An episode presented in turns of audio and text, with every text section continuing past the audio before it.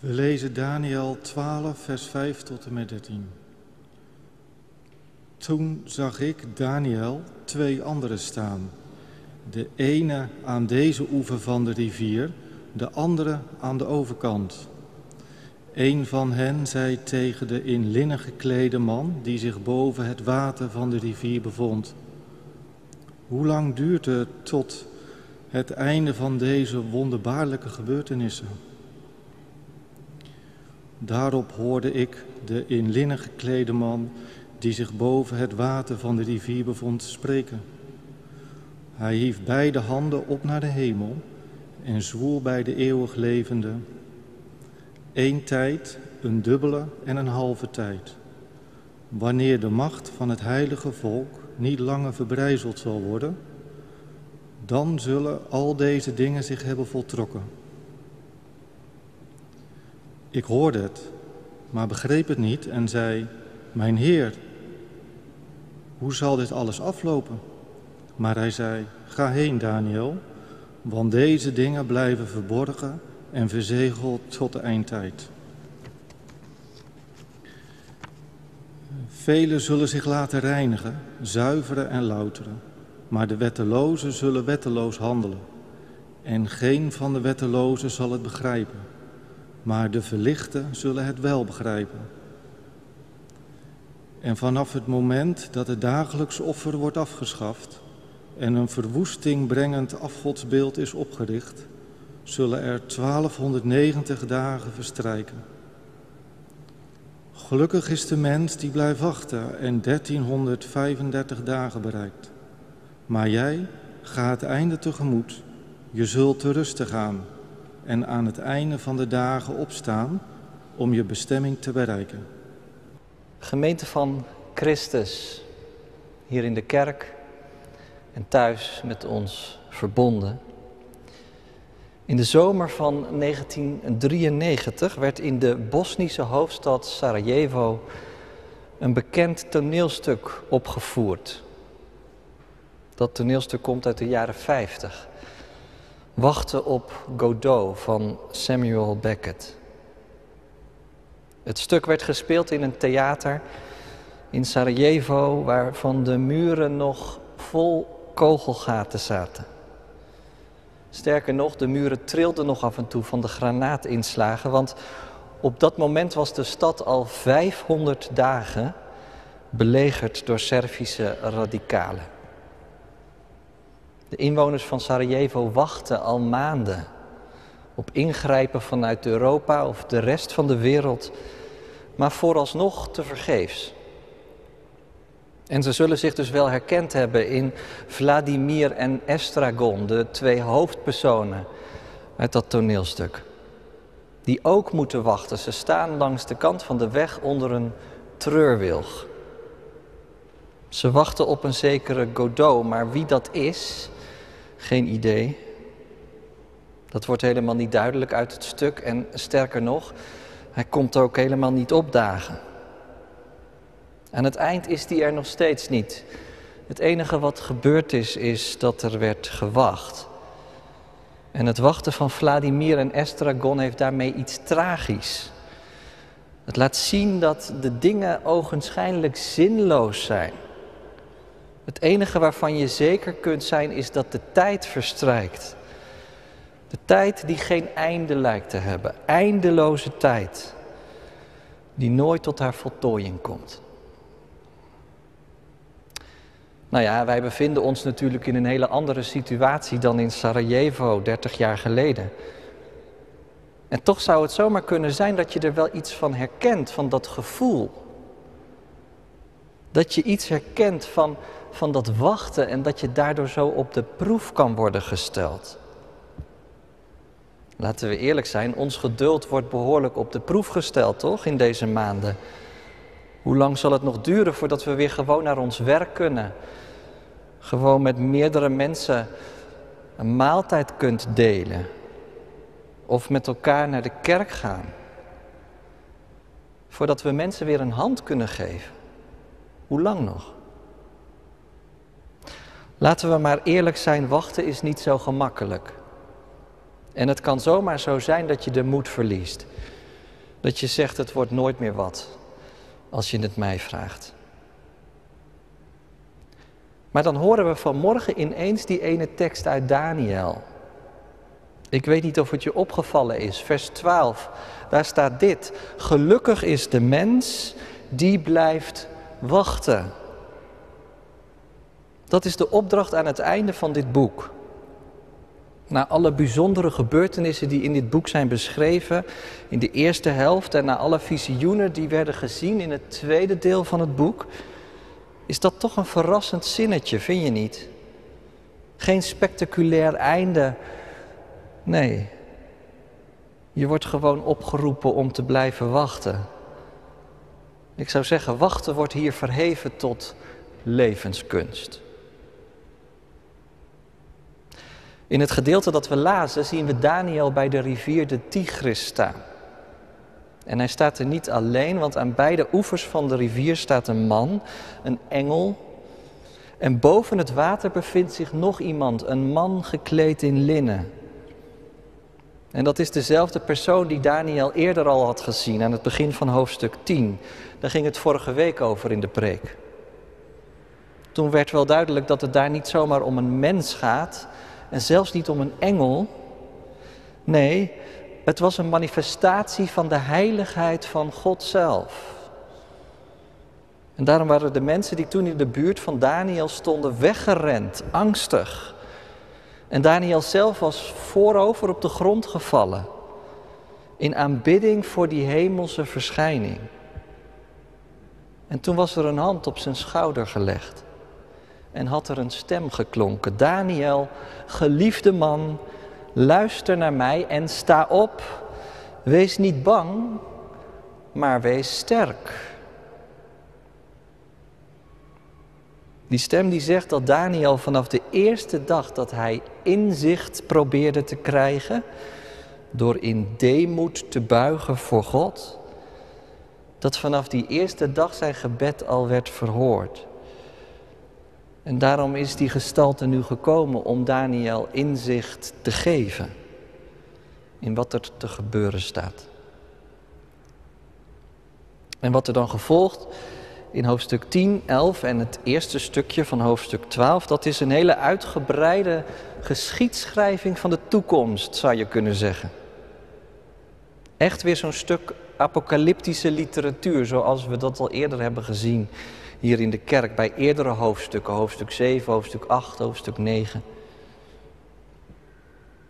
Het is wel boeiend dat als je in detail gaat kijken wat er staat, dat heel veel van die apocalyptische literatuur, die toekomstmuziek die je in Daniel leest, in deze hoofdstukken echt is uitgekomen.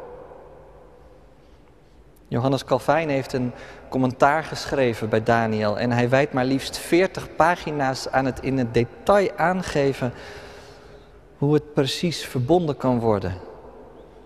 Wat er staat in die hoofdstukken en wat er gebeurde in de tijd na Daniel. Over het Griekse Rijk van Alexander de Grote, wat uiteindelijk in vier stukken uiteenviel. En over de gebeurtenissen rond Antiochus Epiphanes IV die op een verschrikkelijke manier de tempel in Jeruzalem zou ontwijden. Dat afgodsbeeld waar het even over gaat in onze tekst, dat is waarschijnlijk dat moment. Hij richtte een beeld voor Zeus op, midden in de tempel. Maar dat visioen reikt ook verder. Het reikt net als de eerdere visioenen die we hebben gelezen als het ware voorbij de geschiedenis. Het reikt ook naar de toekomst. Het reikt helemaal door, zou je kunnen zeggen, tot de jongste dag. Door de verdrukking heen. Naar een dag van hel. Nou, en als Daniel dat dan allemaal heeft gezien, dan zijn we dus aangekomen bij dit moment dat we gelezen hebben. Dan staat hij dus weer aan de oever van de Tigris. En dan klinkt er eigenlijk een heel belangrijke vraag en ook een heel begrijpelijke vraag. Als er nou nog zoveel moet gebeuren, en Daniel staat er nog helemaal voor, Hoe lang gaat dat dan nog duren? Ik hoop dat je iets ervaart van de diepte van die vraag. Want daar zit natuurlijk een verlangen onder. Die vraag die klinkt niet voor niets. Hoe lang duurt het nog voordat dat Godsrijk waar het over gaat volledig doorbreekt? Daar komt automatisch de erkenning in mee dat we er nu nog niet helemaal zijn. Dat er nu nog zoveel gebrokenheid is en verdrukking. Die vraag die komt dus op uit het verlangen. Uit het verlangen naar heelheid. Ik dacht, misschien herken je die vraag ook wel bij jezelf. Misschien ben je wel heel dankbaar voor de goede dingen die je hebt gekregen. Maar weet je ook als je nuchter om je heen kijkt, dat het zomaar heel anders kan gaan. Hoe lang nog, Heer? Die vraag kan zomaar bij je opkomen. Er is zoveel onrecht en zoveel kwaad in een wereld die zo mooi zou kunnen zijn. Er is zoveel wat niet te rijmen valt met de goede schepping.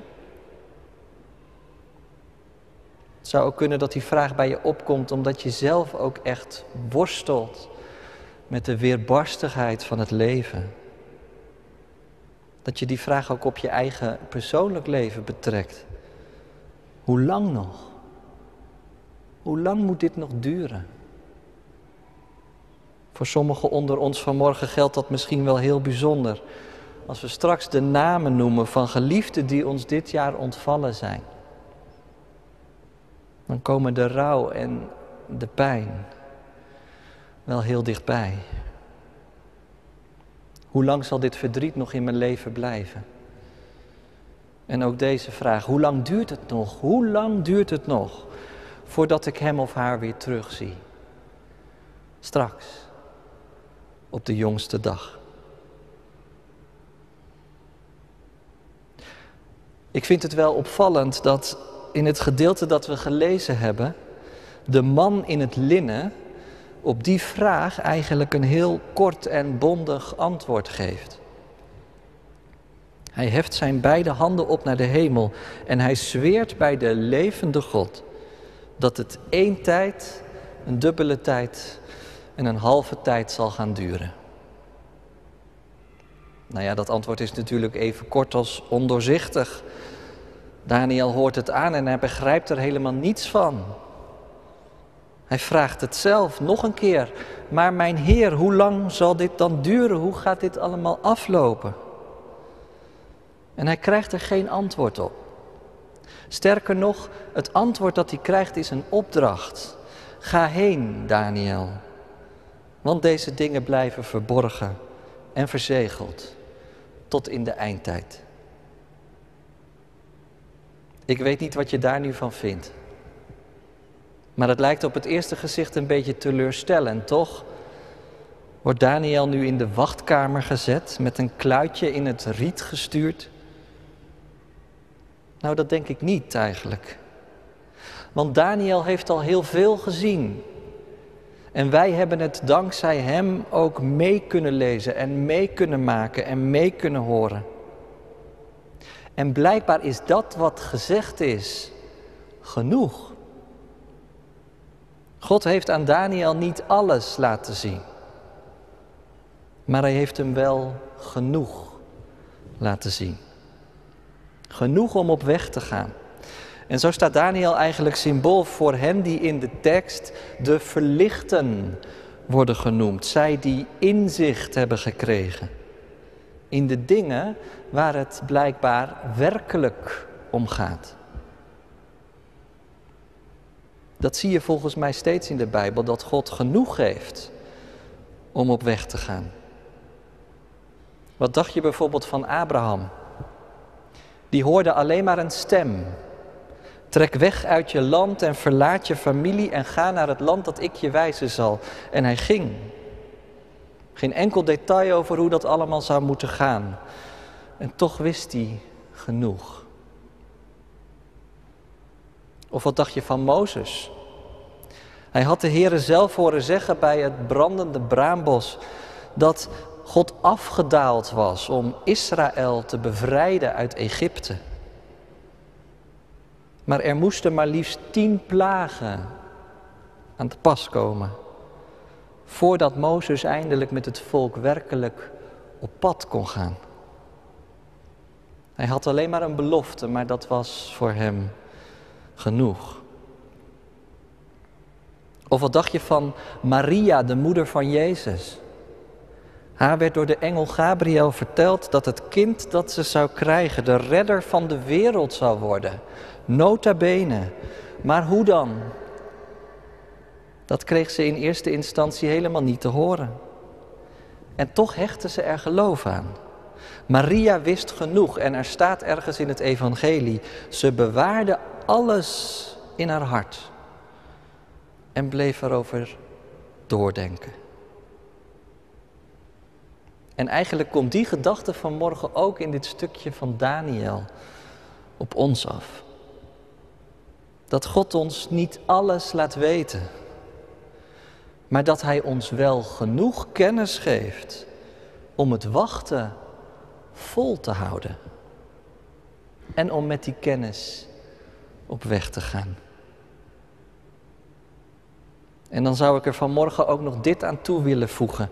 Dat wij dankzij Gods genade nog wel meer mogen weten dan Daniel wist. Dan moeten we eigenlijk een sprong maken, helemaal naar het Nieuwe Testament. Helemaal naar het einde van het Nieuwe Testament, naar het boek Openbaring. Het is al wel vaker genoemd de afgelopen weken. Er zijn allerlei parallellen te vinden tussen het boek Daniel en het boek Openbaring. Maar er zijn ook verschillen. En een van die verschillen vind je in Openbaring 22, vers 10. Want waar Daniel te horen krijgt dat de dingen verzegeld moeten blijven tot in de eindtijd, daar krijgt Johannes juist de opdracht om wat hij gezien heeft niet langer geheim te houden. De zegels worden verbroken. Waarom niet? Waarom mag het allemaal openbaar worden? Nou, omdat we geloven dat met de komst van Christus de eindtijd definitief is aangebroken. Omdat we zeker weten dat met Zijn komst het licht is gaan schijnen in de duisternis. Ook al begrijpt de duisternis zelf het niet, zegt Johannes. De opstanding van Christus uit de dood heeft het voor eens en voor altijd duidelijk gemaakt. Christus regeert. En als hij zelf aan zijn leerlingen en daarmee aan ons belooft dat hij bij ons wil zijn en bij ons wil blijven tot aan de voleinding van de wereld, dan weten wij toch genoeg.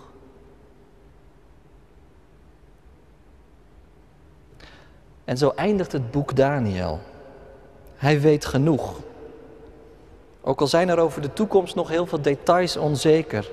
Midden in die spanning tussen inzicht en uitzien heeft het boek een open einde. Je zou kunnen zeggen, het boek heeft een open einde naar Advent, wat we volgende week met elkaar gaan vieren. Hier aan het einde van het boek Daniel is hij een oude man geworden. Ik denk dat je gerust mag zeggen dat hij een leven lang gebeden heeft. En een leven lang gestreden. Waarschijnlijk is hij vol verlangen naar Gods grote toekomst. En dat maken de woorden waarmee dit boek eindigt dan ook zo diep. Na alles wat er inmiddels is voorbijgekomen, zou je misschien een magistraal slot verwachten. Werkelijk een apocalyptisch spektakel. Maar niets is minder waar. Het slot is eigenlijk heel ingetogen. En tegelijkertijd zo ontzettend ontroerend. Daniel wordt door God op weg gestuurd, maar jij staat er. Ga het einde tegemoet. Je zult te rusten gaan.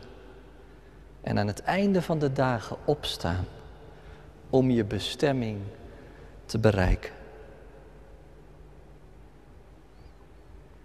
Ik zei aan het begin van de preek dat dat toneelstuk Wachten op Godot misschien wel een bepaald levensgevoel wil vertolken. dat al ons wachten te vergeefs is. Dat de tijd geen einde heeft. En dat de wereld geen voltooiing zal kennen. Maar het boek Daniel heeft de afgelopen weken een andere werkelijkheid voor ons geopend. Heel veel is nog onduidelijk, zeker. Een tijd, een dubbele tijd en een halve tijd. 1290 dagen dit en 1335 dagen dat. Ik heb geen twee Bijbeluitleggers gevonden die er dezelfde verklaring bij hadden. Maar één ding is wel duidelijk. Het zijn tijdsaanduidingen met een begin en met een eind. De toekomst ligt niet onbereikbaar ver voor ons uit, maar is dankzij Christus heel dichtbij gekomen. Hij is de voltooiing van deze wereld. En daarom ben je gelukkig als je durft te wachten. Of beter gezegd, je bent gelukkig als je durft te verwachten. Wie zich thuis weet bij God, is nu al thuis. En als we straks de namen noemen van degenen die ons dit jaar ontvallen zijn, dan lezen we daar zoals gebruikelijk een aantal teksten uit het boek Openbaring bij. Het zijn woorden die de boodschap van Daniel eigenlijk helemaal tot zijn voltooiing en tot zijn bestemming brengen. En die ons daarin meenemen. Wie met Christus verbonden is, gaat een heerlijke toekomst tegemoet. Nu al ten dele. En straks volkomen. Amen.